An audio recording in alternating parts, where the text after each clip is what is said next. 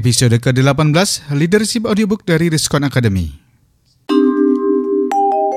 You are listening to Leadership Audiobook from Riskon Academy. We'll enhance your leadership to the next level.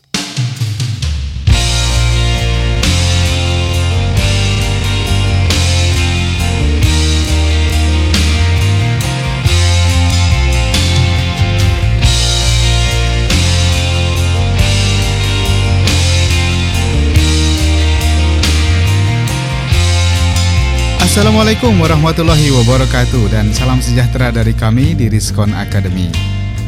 Alhamdulillahirrabbilalamin kita bertemu kembali dalam serial Leadership Audiobook ini Dan tidak terasa pada hari ini kita telah memasuki minggu terakhir dari bulan Maret tahun 2016 Yang artinya ini adalah hari-hari terakhir dari triwulan pertama dari tahun 2016 Bagaimana teman-teman?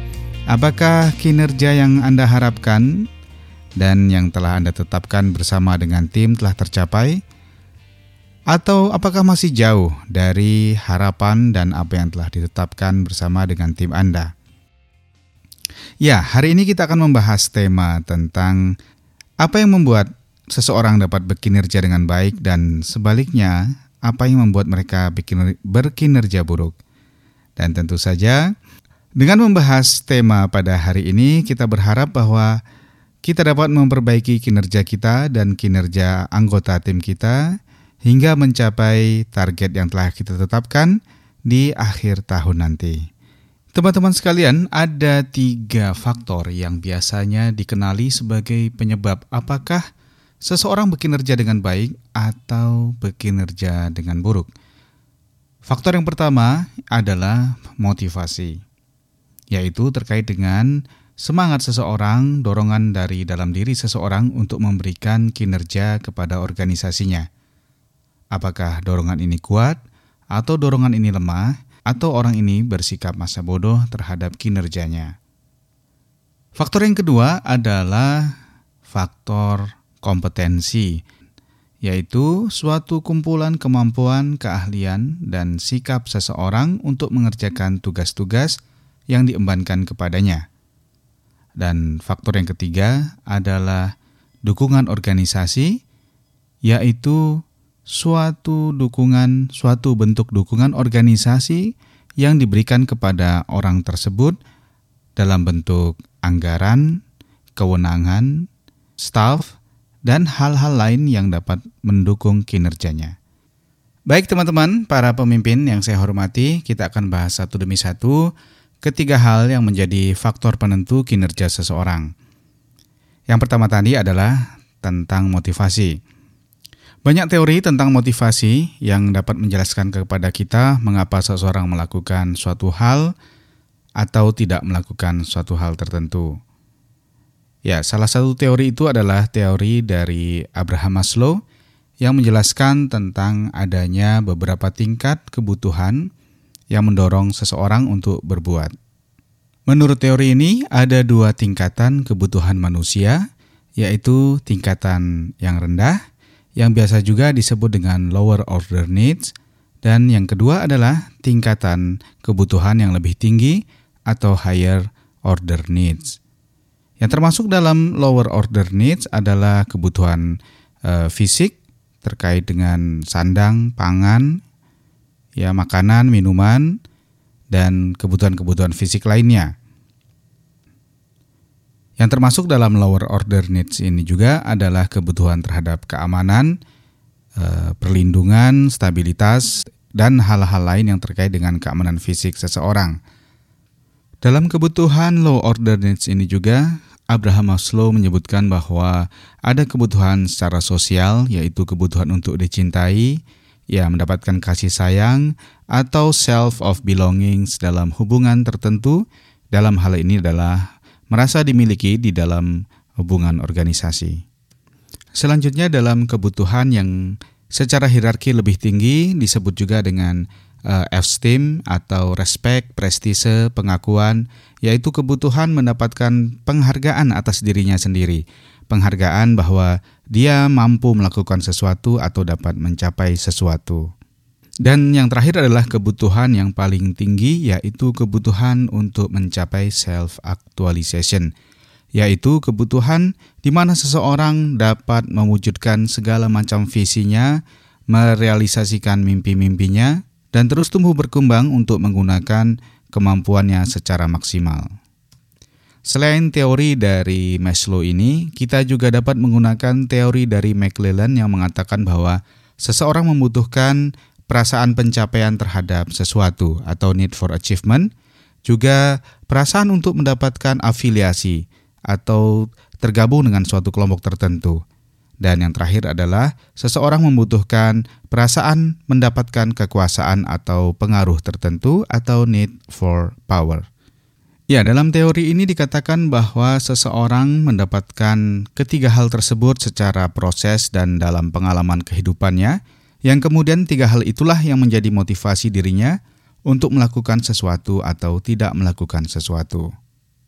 Masih banyak teori-teori lain yang dapat kita gunakan dalam mengolah pemberian motivasi bagi organisasi kita, namun tidak akan kita bahas pada sesi ini dan akan kita bahas pada episode-episode berikutnya. Selanjutnya kita bahas tentang faktor yang kedua yang dapat mendorong kinerja seseorang, yaitu faktor kompetensi. Banyak jenis kompetensi yang harus dimiliki seseorang untuk dapat menjalankan tugasnya dengan baik. Antara lain seperti kemampuan verbalnya, yaitu suatu kemampuan untuk dapat memahami dan secara efektif dapat berkomunikasi dengan orang lain baik secara tulisan maupun secara lisan. Nah, apakah staf atau anggota tim kita telah memiliki kemampuan verbal ini? Yang Seringkali kemampuan verbal ini yang tidak dikuasai dengan baik akan mendorong kinerja yang buruk. Kinerja yang buruk ini menjadi akibat dari suatu ketidakfahaman yang terjadi dalam proses komunikasi antar orang di dalam organisasi itu. Kompetensi lain seperti kemampuan kuantitatif, yaitu kemampuan seseorang untuk secara cepat dan akurat untuk menyelesaikan atau memahami masalah-masalah kuantitatif, perhitungan-perhitungan matematis, perhitungan uh, penjumlahan, perkalian, uh, perhitungan volume, perhitungan jumlah produksi, diskon, perpajakan dan hal-hal lain dan hal-hal lainnya. Selanjutnya adalah kemampuan berpikir, yaitu kemampuan untuk menalar suatu masalah dan mencari penyelesaian dari masalah tersebut. Dan yang terakhir adalah kemampuan spasial atau kemampuan yang secara akurat dapat mendeteksi, memperkirakan dan mengatur hal-hal atau objek-objek dalam suatu ruang tertentu. Ya, termasuk juga dalam kompetensi ini adalah keahlian atau skills terkait dengan hal-hal teknis, yaitu hal-hal yang sesuai dengan standar atau kebutuhan di dalam eh, jenis pekerjaannya Demikian juga dengan kemampuan leadership dan manajerial, yaitu kemampuan untuk merencanakan, mengatur, memonitor, dan hal-hal lain yang terkait dengan manajerial dari suatu bidang tugas tertentu. Dan juga kemampuan komunikasi interpersonal seseorang, yaitu bagaimana dia berbicara, berinteraksi, dan melakukan kerjasama baik dengan anggota timnya maupun dengan eh, pihak-pihak di luar organisasinya. Nah, hal-hal tersebut harus kita perhatikan baik pada diri kita sendiri maupun pada anggota tim kita. Apakah kinerja kita saat ini terpengaruh oleh kurangnya kemampuan kita dan anggota tim kita? Pada kemampuan apa atau kompetensi apa yang harus kita benahi sehingga rencana atau target yang kita tetapkan dapat berada pada track yang seharusnya. Apabila diperlukan, kita dapat mengadakan suatu program training, atau pendidikan dalam jangka panjang yang tujuannya adalah mempersempit atau bahkan menghilangkan gap dari e, kebutuhan serta kemampuan keterampilan anggota tim kita. Ya, dan yang terakhir adalah bagaimana organisasi mensupport seseorang akan menentukan tingkat kinerjanya.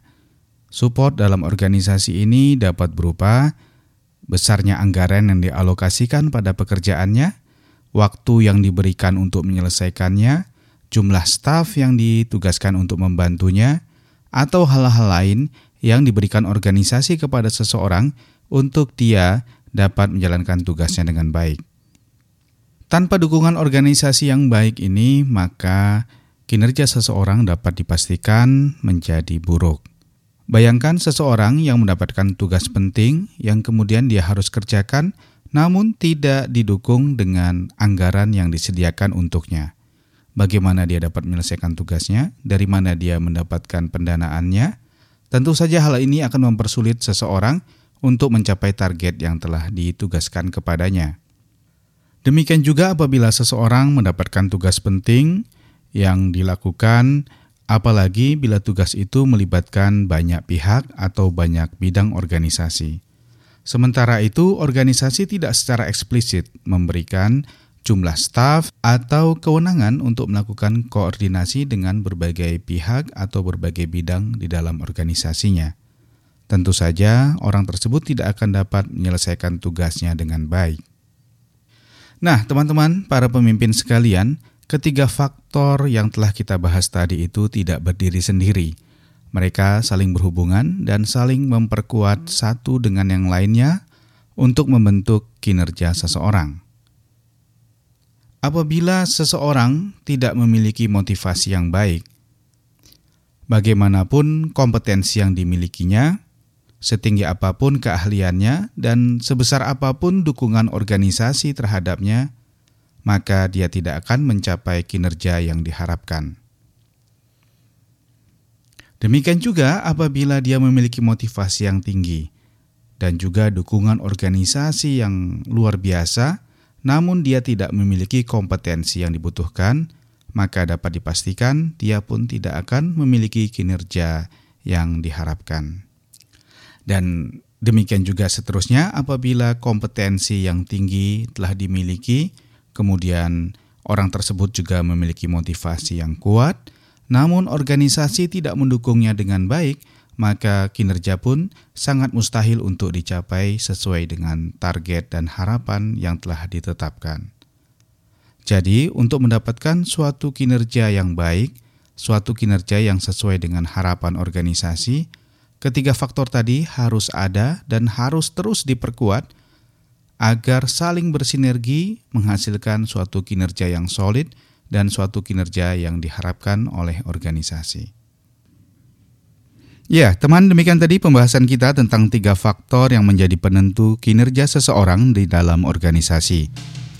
Apakah kinerja yang belum sesuai harapan kita terkendala karena motivasi dari staf kita yang kurang? Mungkin dapat kita lakukan berbagai kebijaksanaan, perubahan berbagai aturan yang dapat meningkatkan motivasi dan ah, pada akhirnya akan membuat mereka bersemangat, lebih bergairah untuk mencapai kinerja yang kita harapkan. Demikian juga apabila ternyata masalah yang kita hadapi, kinerja yang tidak sesuai harapan disebabkan oleh kurangnya kompetensi para staf kita Mungkin kita dapat memberikan berbagai pelatihan, training, mengundang pakar atau ahli yang dapat membantu mereka mencapai keahlian atau skill yang kita butuhkan dalam mencapai kinerja tersebut. Dan demikian juga apabila masalah yang kita hadapi ternyata karena kurangnya dukungan organisasi, mungkin anggaran yang kurang, waktu yang kurang, atau mungkin kurangnya staf yang kita alokasikan untuk mendukung pekerjaan dari staf kita tersebut. Ya, para pemimpin sekalian, mari kita perhatikan bagaimana organisasi kita dan anggota-anggota tim kita apa saja yang mereka butuhkan untuk dapat meningkatkan kinerja mereka. Masih ada 9 bulan lagi hingga mencapai tahun 2016 berakhir. Jadi, masih banyak waktu untuk kita memperbaiki kondisi motivasi, kondisi kompetensi, dan dukungan organisasi bagi mereka. Mari kita berikan yang terbaik untuk anggota tim kita, dan pada akhirnya kita dapat mencapai tujuan atau target yang telah kita tetapkan bersama.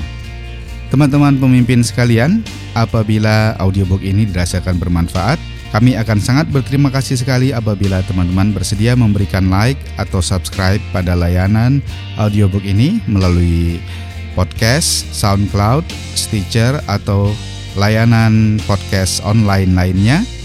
Dan juga jangan lupa untuk terus membagikan serial leadership audiobook ini agar semakin banyak teman-teman kita yang mendapatkan manfaat dan berbagai inspirasi dari bahasan di audiobook ini. Sampai di sini tetap semangat dan assalamualaikum warahmatullahi wabarakatuh.